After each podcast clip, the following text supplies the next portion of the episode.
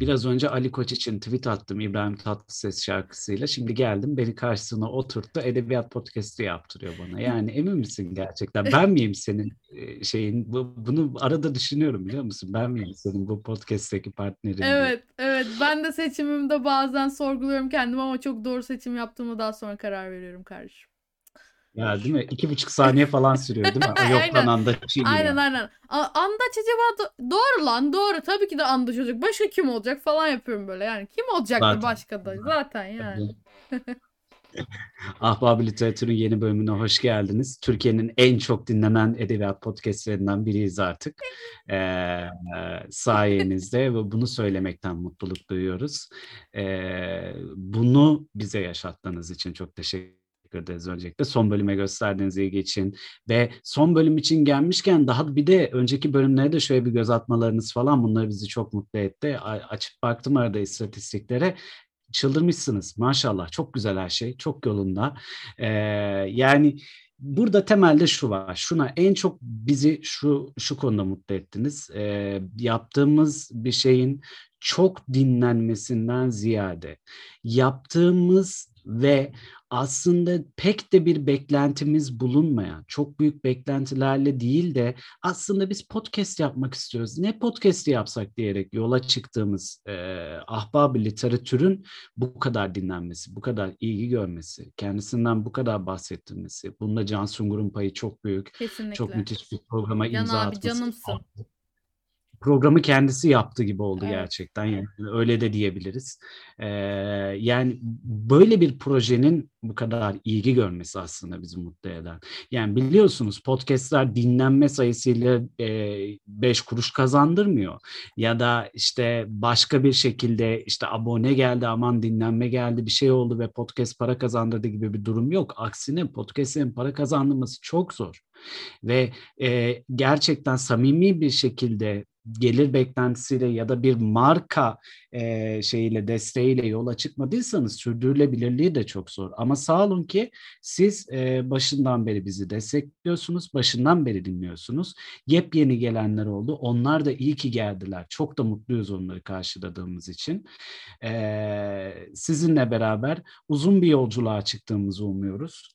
E, bundan sonrasının çok daha keyifli, çok daha mutlu geçeceğini umuyoruz. E, size verdiğimiz sözleri tutabileceğimiz bölümler kaydetmeyi umuyoruz. Mesela ben hala Dune okuyorum. Sırf siz Evet. mutlu olun.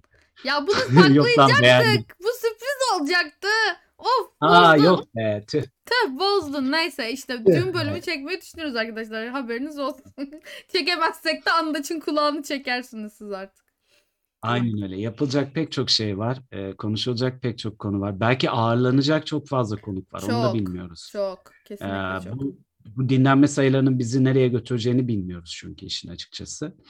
Ee, eğer e, her şey yolunda giderse, eğer hep birlikte ahbab literatür bizi mutlu etmeye devam ederse gittiği yere kadar da götürmeyi düşünüyoruz elimizden Kesinlikle. geldiğince. Kesinlikle. Benden söyleyecek bir şeyim var mı? Var. Sence bizim e, Ütopya'mız podcast'imizin en çok dinlenen program olması mı? Sence?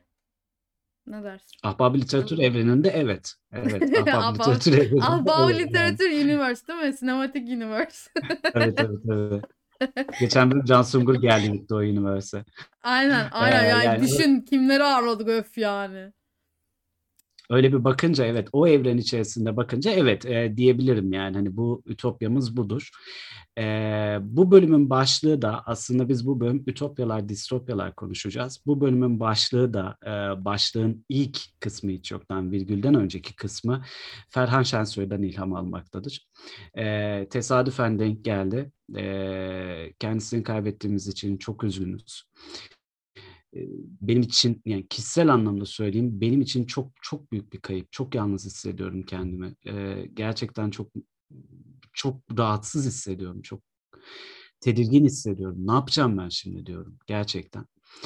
Ee, bunu bu e, ölümü, bu kaybı düşündüğüm zaman e, aklıma gelen en önemli şey, e, en en çok aklımda yer ede- eden şey e, kitapları oldu.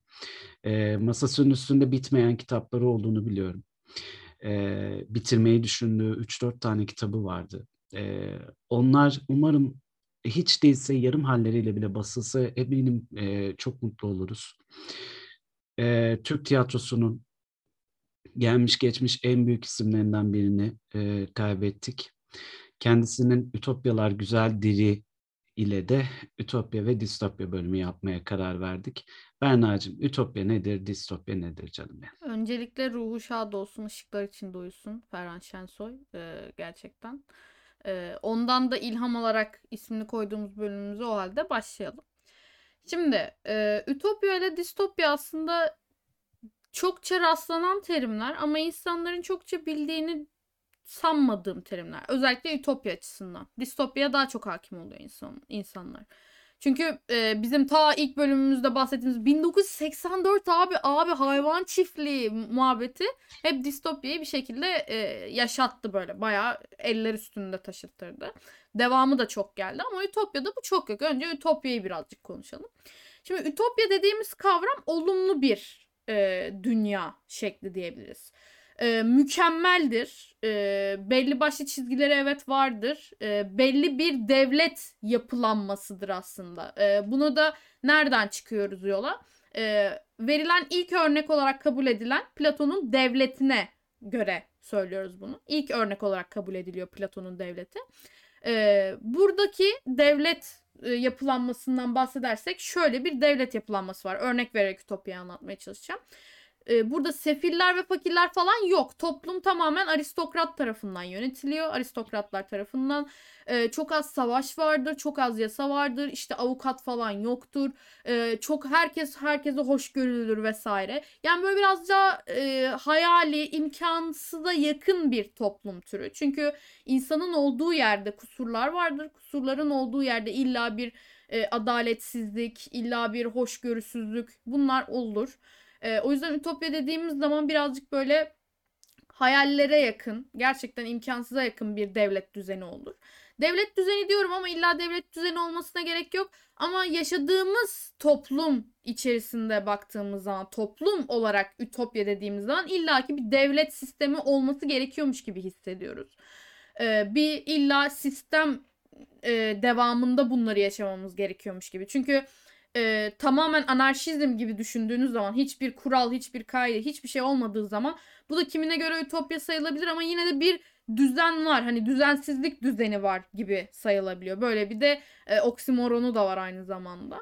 E, ütopya genel olarak böyle. E, ilk örneğini Platon'un devleti olarak söyledik. Diğer örneklerinden İngiliz edebiyatından ben size sanırım önermiştim daha önceden. Önerdim mi hatırlamıyorum ama Thomas More'un Ütopyası bu da aynı şekilde e, ilk örneklerdendir. E, daha sonra sayabileceğim başka şeyler var. E, Francis Bacon'ın yine e, Yeni Atlantis isimli ütopyası var. E, belki biraz daha feminist açıdan bakmak isteyenler olursa Charlotte Perkins Gilman'ın Kadın Ülkesi. E, bu arada Itaki bunu bastı. Okumak isterseniz Itaki'den alabilirsiniz. E, gayet şey bir kitaptır yani. Ee, bu hani biraz daha böyle kadınlar sadece kadınlardan oluşan bir dünya. Kadınların şey olduğu bir dünya. Biraz daha feminist bir bakış açısıyla yazılmış bir şey. Ee, ve Campanella'nın Güneş Ülkesi gibi böyle birçok sayabileceğimiz ütopya örnekleri var. Ee, ama biraz daha az tabi distopyaya göre nispeten. Peki e, şeyi sorayım. E, şimdi sen distopyaya geçmeden. Hı hı. Şimdi ben mesela ya da sen mesela ulan şöyle bir ülkemiz olsa deyip hayal kurmaya başlasan ve bunun her şeyini şey yapsan, e, kursan kafanda şöyle yönetilir, böyle insanlar böyle yaşar, böyle geçinir falan filan. Bunu da kağıda döksen. 2021'de yazdığımız şeyde ütopya diyor muyuz?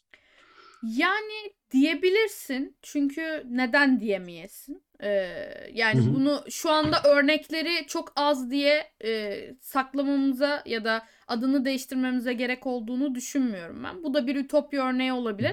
Ha daha önceden örnekleri olmayan bir ütopya olursa daha çarpıcı olur ve insanlar tarafından daha tanınır hale gelebilir belki de. Daha imkanlı olarak gözükebilen türde bir şey ya da e, tam tersi hiç imkansız gibi gözüktüğü için daha çok çarpıcı gelir ve hayal dünyasında gezinmek isteyen insanlar için ay keşke böyle olsaydı diyebilmek için belki de e, bir örnek olabilir. Ama şunu da unutmamak lazım. E, ütopya ve distopya dediğimiz zaman kime göre neye göre birazcık işin içine giriyor. Çünkü e, toplumun yüzde yüzünün aynı karardan memnun olması ya da memnuniyetsizlik duyması mümkün değildir. Bu imkansız bir şeydir. 100 insandan 99'u sever biri sevmez ya da biri sever 99'u sevmez. İlla bir kişi değişik çıkar oradan. Çünkü insan olmak böyle bir şeydir. Farklılıklarımız vardır. Ve e, kimine göre ütopya olan bir şey kimine göre de distopya olabilir. Distopya dediğimizde zaten tam anti ütopya oluyor. Dolayısıyla Hı-hı. ütopya e, yani sana bana göre mesela kadınlar ülkesi dedim ya e, Gilman'ın kitabı olarak. Mesela kimine göre belki de e, yani patriarkal düzende yetişmiş ve aşırı patriark birine göre de distopya olabilir. Sadece kadınların olduğu bir wow falan yani gibisinden. E, o yüzden değişebiliyor kimden kime göre olduğu. Biraz daha bakış açısıyla değişebilen bir şey.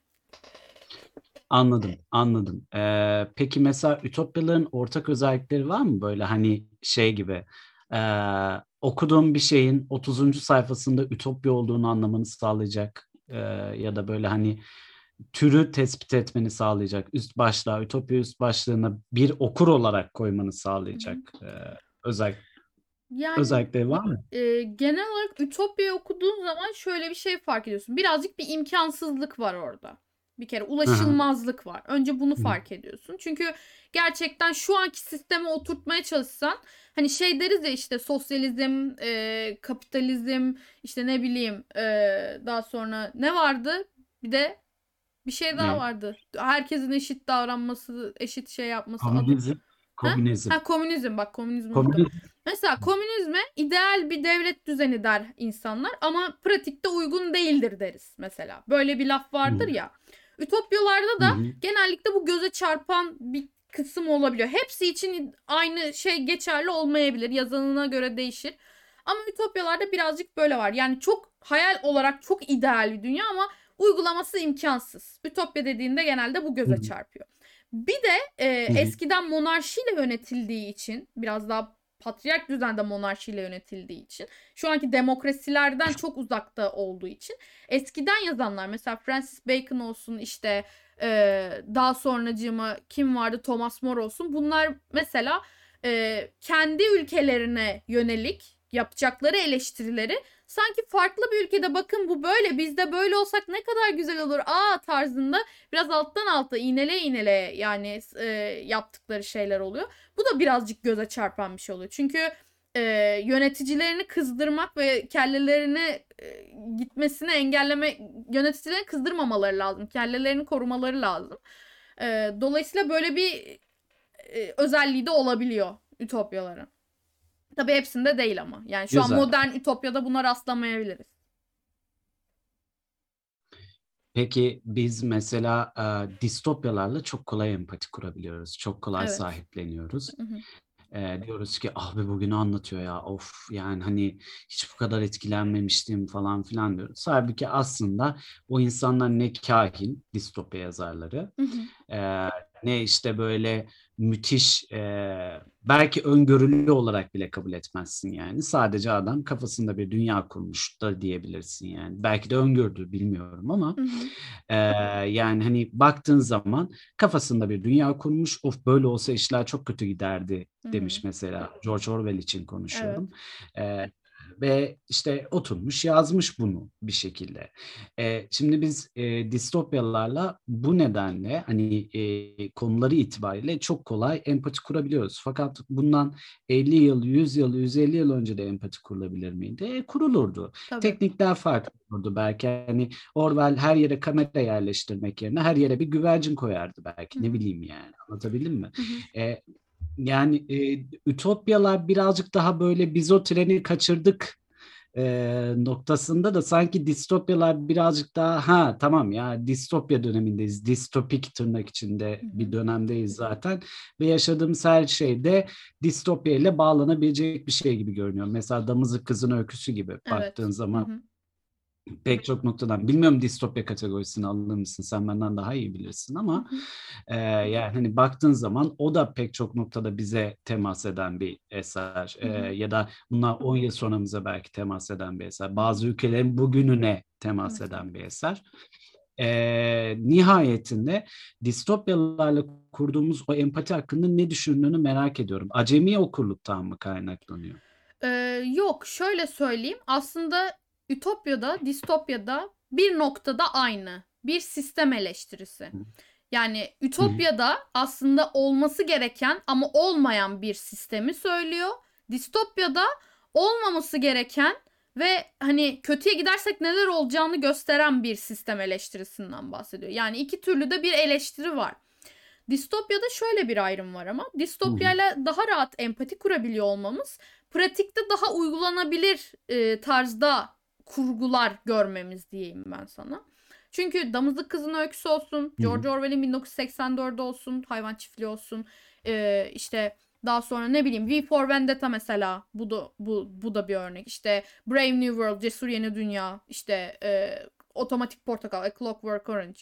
Bunlar e, yani aslında olabileceğini alttan alta bildiğimiz çünkü totaliter rejimlerin hakim olduğu, biraz daha baskıcı bir rejimin, baskıcı bir toplumun hakim olduğu ve e, düzensizliğin daha böyle e, anarşizmin böyle bayağı savage, biraz daha tehlikeli versiyonu. Hani anarşizm hep tehlikeli olarak ad, ad, adledilir ama e, daha tehlikesiz versiyonu da var. Yani düzensiz bir şekilde barış içinde yaşayabilen insanlar da olabilir. Bu bir ihtimaldir ama olmuyor.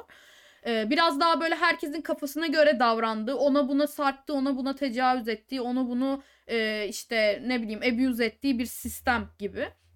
E, distopya ile bizim empati kurabilmemizin sebebi çok daha olası olması. Yani en basitinden şey söyleyeyim. E, Hunger Games, Açlık Oyunları bir gençlik romanıdır, bir gençlik serisidir. Ama e, oradaki ögeleri, oradaki insanları, karakterleri ve yapıları incelediğin zaman Evet aslında böyle bir sistem şu anda bile var. Sadece bir tık değiştirilmiş versiyonunu izliyorsun. Nedir bu? Orada çocuklar e, bir yarışmaya yollanıyor ve hayatta kalan kişi kazanıyor, birinci oluyor. İşte ün, şöhrete kavuşuyor vesaire. Bu aynı şey savaşlar için de geçerli ya da bizim askere yolladığımız çocuklarımız için de geçerli. Bir şekilde e, var. Sistem buna zorluyor bir şekilde seni. Yani illa ölüm fiziksel ölüm olmasa da sisteme kurban giden çocuklar da buna dahil olabiliyor. Yani sistemin içinde kendi kendine erittiği ve e, asla gelecek vaat etmeyen hale gelen çocuklar da buna bir e, simge olabilir. Ya da damızlık kadın kızın öyküsü e, kadınların abuse edilmesi, kadınların kesinlikle her konuda tecavüze uğraması, haklarının ellerinden alınması vesaire. Belki gerçek anlamda damızlık olarak şu anda biz de kullanılmıyor ama dediğin gibi kullanılan bir yer olabilir bilmediğimiz hiç haberimizin olmadığı. Dolayısıyla distopya biraz zamansız ve e, evrensel bir şey aslında. Yani olumlu bir anlamda değil bu ama kesinlikle zamansız ve evrensel. Çünkü biz şu anda birine göre ütopyayı yaşıyor olabiliriz. Ama başkasına göre de distopyayı yaşıyor olabiliriz. Yani böyle bir takım değişiklikler oluyor. Hı hı. Ee, peki mesela sen böyle bir baktığın zaman hangisini yazmak daha zor geliyor sana? Hani Kesinlikle Ütopya yazmak daha zor. Neden biliyor musun? Çünkü ideal neye göre ideal? Bir yerden ideali yani her şeyi yüzde yüz kusursuz yapman imkansız anlıyor musun? Yani bir şey illa bir yerden patlak verecek. Mükemmel bir şey yapamazsın. Yani Allah değiliz biz sonuçta. Kaldı ki insanız, kusurlarımız var. Kusursuz bir şey yapmamız imkansız. Ve şeyi söyledim mesela Platon'un Ütopyasından bahsettim. Ulan fakirler yok. Hiç fakir yok. Herkes aristokrat. Hani farklı sınıf ayrımı falan yok. İşte ne bileyim e, şeyler yok. Yani yardım edebileceğim bir kesimin olduğu ya da iyiliğin öne çıkabileceği bir kesim olduğu kısım yok. Yani yanlış anlaşılmak istemem. Hani fakirler olsun hep fakir kalsınlar demek istemiyorum. Ama bu e, sınıf ayrımının olması da bir yerde toplumlar için gerekli bir e, öge diyeyim. Çünkü herkes aynı sınıf olduğu zaman bu sefer toplum öyle bir noktaya geliyor ki hiç il, daha ilerleyecek noktası kalmıyor. Çünkü toplumların ilerlemesi, gerilemesi, bir şekilde tökezlemesi, tekrar ayağa kalkıp yürümesi gerekiyor. Toplumlar böyle yapılar. Yani özür dilerim gerçekten e, böyle fakirler olsun demek istemiyorum ama şu anda teknik olarak biz de aldığımız maaşlara, geçinmeye çalıştığımız şeylere göre fakir klasmanına giriyoruz zaten. Biz de zengin sayılmıyoruz. Yani orta sınıf denilen Hı-hı. şey öldürüldüğü için mesela şu anda ülkemizde. Hı-hı. E, bir fakir bir zengin olgusu var. Yani ya çok zenginsin ya fakirsin hani.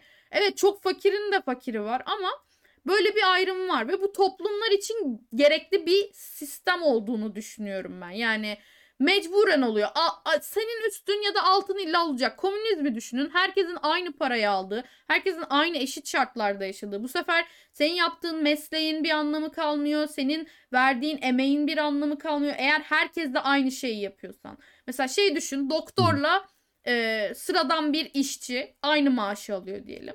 Bu sefer doktor diyor ki ben ama daha önemli bir iş yapıyorum diyor. İşçiyi küçümsemek için söylemiyorum bunu. Daha önemli bir iş Hı. yapıyorum. İnsan hayatıyla uğraşıyorum ben. Neden ben ondan çok alamıyorum? O zaman ben yapmasam da olur falan kafasına girebiliyor. Çünkü insan böyle bir olgu, böyle bir oluşum. İnsan bencildir. Bencil olduğu için de ütopya yazmak imkansıza yakın bir şey bence. Hani herkese göre ütopya olmuyor zaten. Dediğim gibi kadınlar ülkesi bütün dünyanın bütün şeyin evrenin kadınlardan oluştuğunu düşünsene. Bir yerde o da bence olumsuz bir noktası var. Hani ileriye düşün ileriye dönük düşünmen gerekiyor ve ileriye dönük düşündüğünde de insanın belli bir yerde tıkanıyor. Çünkü sen daha nereye kadar gidebilirsin? E sistem e, ve tabii. yani ve sistem ve insanda sürekli ilerleyen gelişen bir şey olduğu için e, bu ilerledikten sonra görüyorsun ki aa burada bir patlak çıktı. Ne yapacağız? Şimdi ütopya olmadı. O zaman imkansıza yakın bir şey demek doğru oluyor. Çünkü mükemmel değil. Bir illa bir noktadan patlıyor. Çok doğru, çok doğru. Ee, bir de her ikisinde de benim fark ettiğim her ikisinde de e, düşünmen gereken çok fazla şey var. Kesinlikle. Yani baştan sona bambaşka bir şey kuruyorsun. Evet. Ee, belki mesela arabalar yok da bilmem neler vara kadar falan gitmen gerekiyor. Ee, ya da ne bileyim ben işte vergi şöyle değil de böyle alınıyor ve vergi belki de yok e, bazı durumlarda falan gibi böyle anladın mı? Hani düşünmen gereken Ütopya'da da Distopya'da da çok fazla şey var. Aslında yazarlığın gelebileceği belki de en önemli yerlerden birisidir. Çünkü sosyolojiyi bilmen lazım, tarihi bilmen lazım, belki coğrafyayı bilmen lazım e, bahsettiğin ya da bahsetme ihtimalin hani benzerlikler gösteren ülkeye komple hakim olman lazım. Çok baştan sona fantastik bir evrense belki çok daha zor. E, yani insanı tanıman lazım. E, antropoloji bilmen lazım belki. E, yani tüm bunları bir araya getirince aslında hani yalnızca bir kurmaca yazarının, tek başına bir kurmaca yazarının halledebileceği bir şey olmaktan çıkıyor. Hukuk da bilmen lazım mesela. Kesinlikle. Bak. Kanunu bilmen lazım. Bürokrasi bunlar lazım. Devlet çünkü kuruyorsun lazım. bir şekilde. Bir sistem kuruyorsun. Aynen öyle.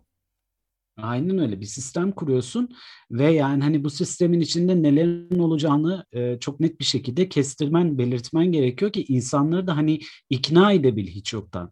Bunun bir ütopya ya da distopya olduğuna ikna edebilmek için gerçekten çok fazla donanmış olman lazım. Bu böyle ufak tefek bir iş değil gerçekten. Çok zor geliyor bana. Yani şeyi düşündüğün zaman ütopya anlamında Platon'un devletini düşündüğün zaman şey mantığına gidiyor aslında. Belki öyle demek istemiyordur. Ama ben gördüğüm zaman, ilk gördüğüm zaman bunu anlamıştım. Fakirler ölsün. Bu mantığa gidiyor. Ben Hı. tamamen düz olarak baktığımda bunu anlamıştım. İlk gördüğümde, ilk okuduğumda. Hı Çünkü fakirleri tamamen elege eden bir sistem. Tamamen aristokratik bir kesim. Aristoklar yöne aristokratlar yönetiyor. işte filozoflar yönetiyor bilmem ne vesaire. Asla farklı bir şey yönetici sınıfına çıkamıyor. Mesela.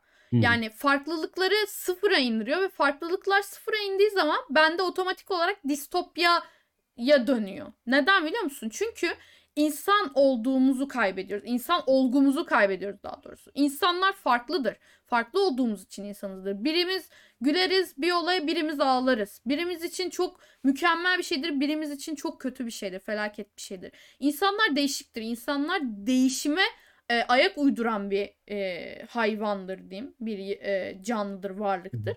Ve insanların bu değişiklikleri, bu farklılıkları, bu sisteme ayak uydurmaları onların evrimsel bir e, gelişimi olduğu için gerekli de bir şey. Dolayısıyla herkese aynı, her şey süper, her şeyi mükemmel yaparsan bu sefer şeyi düşünüyorsun. Düşünsene hiçbir derdimiz yok. Sıfır suç, sıfır işte tecavüz, cinayet bilmem ne e, işte herkes çok zengin. Herkes her şeyi elde edebiliyor. Herkes çok mutlu. Bunu düşün şimdi. Böyle bir dünya düşün. E, düşünüyorsun. Daha sonra e tamam peki ben çok mutluysam benim önüme koyabileceğim bir amaç kal- kalıyor mu? Mesela şey düşün. Her şeyi elde edebiliyorsam bir yerden sonra sıkılmaz mıyım ben bu hayattan? Yani E önüme tabii. önüme bir amaç koymam gerekiyor ki ben devam edebileyim. Yaşam yaşama sevincimi, yaşama amacımı ilerletebileyim. Ee, atıyorum bir, belli bir yere kadar okulu bitirmek, üniversiteyi bitirmek oluyor bu. Bir yerden sonra iş bulmak, tamam ondan sonra hayatımı bir şekilde üst basamaklarına çıkmak işte. Belki birine göre evlenmek, birine göre kariyer basamaklarına çıkmak vesaire. Ama bir yerden sonra amaçların azaldıkça sen de sanki şey gibi oluyorsun. Yani e, tattım ben her şeyi bir şey kalmadı ki daha fazla falan oluyorsun. Hayat birazcık böyle. Bu farklılıklar olacak ki senin için bir devam etme şey olsun. Ütopya dediğin zaman tamamen zamanın sıfır noktasını hayal etmiş gibi hissediyorum ben. Yani her şey sanki donmuş gibi. Her şey orada mükemmel, perfect bir anda kalıyor ve bir daha ilerlemiyor zaman gibi hissediyorum ben. Yani benim için böyle bir nokta. Gargamel olmasaydı bile Şirinler Köyü'nde sorunlar çıkardı. Kesinlikle. Ee, yani 100 tane şirin mutlu bir şekilde yaşıyorlar ve hepsi aslında çok iyi niyetli yaratıklar bu arada. Ee, ama işte bu 100 şirin beraber yaşarken illaki bir gün birader ben niye sürekli çi- e, şirin topluyorum Hı. diğerleri toplamıyor deyip olay çıkartırdı yani illaki. Kesinlikle. Gargamel'in olmasına gerek yok orada konflikt çıkması için yani. Hani Ya. Şirinler bile öyle bir e, fikir vermişken insan öyle bir izlenim vermişken bana hiç yoktan Hı hı. e, düşününce evet doğru söylüyorsun. Ütopya dediğin şeyin sıfırdan mutlu etmesinin e, ihtimali yokmuş gibi geliyor. Bir de bir şey de ekleyeyim izin verirsen. Tabii. E, ben mesela sen şey dediğinde hani amaçların bittiğinde ne olur falan filan dediğinde mesela şöyle düşünüyorum. Söz gelimi e, CEO olmak e, başına gelebilecek en iyi şeylerden biri gibi düşün. E, bugün A şirketine CEO oldun. E, ertesi gün B şirketi çok daha iyi bir teklifle de karşına çıkabilir CEO için ya da sen B şirketini hedeflemeye başlarsın e, bu ülkedeki. Bu ülkedeki B şirketine geçtikten sonra Amerika'da nasıl bir CEO olabilirim diye düşünmeye başlarsın mesela. E, yani mutluluk her zaman e, eriştim bittiyle bitmiyor aslında. Mesela evliliği düşün. E, e, evlilikten sonra her şeyin bitmesi lazım o zaman. Mesela sen birini çok seviyorsun. E, iki taraf da birbirini çok seviyor. Siz evlendiniz. Artık bu nedir? Hikayenin normalde mutlu son kısmıdır değil mi Hı hı, evlilik? hı hı, hı hı. E, ama öyle olmuyor. Yani. İlla bir devam lazım. Bir İki kişinin de birbirinden çok farklı beklentileri olmaya devam ediyor çünkü. Tabii. Çünkü hayat böyle bir şey. Yani insan dediğim böyle bir şey. Değişen, ayak uyduran, illa yani e, değişmeyen tek şey değişimin kendisidir lafını ortaya atacağım. Mecburen öyle çünkü. Hayat dediğim böyle bir şey. E, Aynen. yani zamanın her şeyin durması lazım ki o mükemmel anı yakalayasın. E, adapte olduğun için belli bir yerde değiştiğin için bir şeyler de imkansız hale geliyor. Dolayısıyla dediğim gibi tekrar oraya geliyorum. Ütopya yazmak bence çok zor bir şey. Çünkü ne yaparsan yap her şeyini düşünmüş ol. İstiyorsan 70 yılını hayatının bütün ömrünü e, Ütopya yazmaya ayır ve her şeyini düşünmüş ol. Kafa patlatmış ol. Yani inanılmaz bir beyin fırtınasıyla yazmış ol. Yine bir yerden bir tane çıkar illa. Neden biliyor musun? Çünkü sen insansın. Senin de kusurların var. Sen Doğru. de zaten kusurları olan bir bireysin, bir canlısın. Zaten kusurları olan bir dünyada yaşıyorsun ve asla e, bencillikten ödün vermeyen bir türsün. E, dolayısıyla illa bir yerden çıkacak. Bu çıkar. Yani öyle bir şey. Bu doğanın kanunu biraz da. Doğru. Ha, ama her, Kesinlikle. her şeyde distopya olmak zorunda değil. Ütopya değilse distopya mı her şey? Hayır. Hayır böyle bir şey yok. Distopya dediğimiz Yok zaman canım. En kötü ihtimali düşünüyoruz. Yani artık yozlaşmanın e, ne bileyim düzenin, sistemin her şeyin en kötüsünü düşündüğünüzü hayal edin. Öyle bir sistem olarak. Yani şu anda ütopyada yaşamıyoruz. Evet o zaman distopyada mıyız? Yok distopyada olmamıza gerek yok. Distopya olması için belli şartlar var. Nelerdir? İşte e, insanların artık yoldan çıkması olur. E, belli bir e, ırkın, türün ya da cinsiyetin e, kesinlikle ne bileyim saygı görmemesi, ikinci sınıf vatandaş olarak değerlendirilmesi vesaire olur. E, daha sonra ne bileyim belli bir şekilde sürekli bir otoriter sistem vardır, seni baskılar. Halk e, yaşarken belli bir baskının altında ezilir. E, sürekli bir güç tepede e, o gücü aşmak imkansızdır vesaire. Böyle bir sistem olması lazım. Ha var mı? Var. Kimine göre distopya hafif distopya da olabilir. Ama illa distopya olması da gerekmez. O birazcık böyle e, ikircikli bir mesele oluyor aslında. Tam olarak öyle aslında. Doğru söylüyorsun. Var mı ekleyeceğim bir şey? Yok yok yani bence her şeyi anlattım gibime geliyor. Kız olarak en azından. Bana da öyle geliyor. Bana da öyle geliyor. Çok da iyi bir bölüm oldu bence. E, Ütopyayı, distopyayı konuştuk. Hı hı. Distopya ile ilgili önermek istediğin bir şey kaldı mı? Bir kitap kaldı mı? Onu sorayım. Ee, güzel soru. Yani distopya ile ilgili ya, ütopya ile ilgili zaten saydığım kitaplar e, genellikle var. Çok fazla ütopya örneği yok. Distopya örneği çok fazla bulabilirsiniz diye söyleyeyim. Yani saydığım kitapların ötesinde de bulabilirsiniz. Belki saymadığım aklıma gelmeyen çok vardır. Ee, ama yani onun distopya olup olmadığını anlamak için kendinize de bir şey koyabilirsiniz. Bilim kurgu genelde janrasında sayılır distopya. Onu da unutmayın. Hı hı. Ee, öyle yani. Saydıklarım dışında çok fazla aklıma gelen bir örnek yok. Tamam o zaman. Şahane. Şahane. E, Ahbap Literatür'ün bir dahaki bölümünde görüşünceye kadar hoşça mı kalıyorlar o zaman? Hoş, Öyle oluyor hoşça galiba. kalıyorlar. Çok hoş kalıyorlar. Mükemmel, müs mükemmel bakıyorlar kendilerine. Kendinize çok iyi bakın. Hoşça kalın. Öpüyoruz. Bye.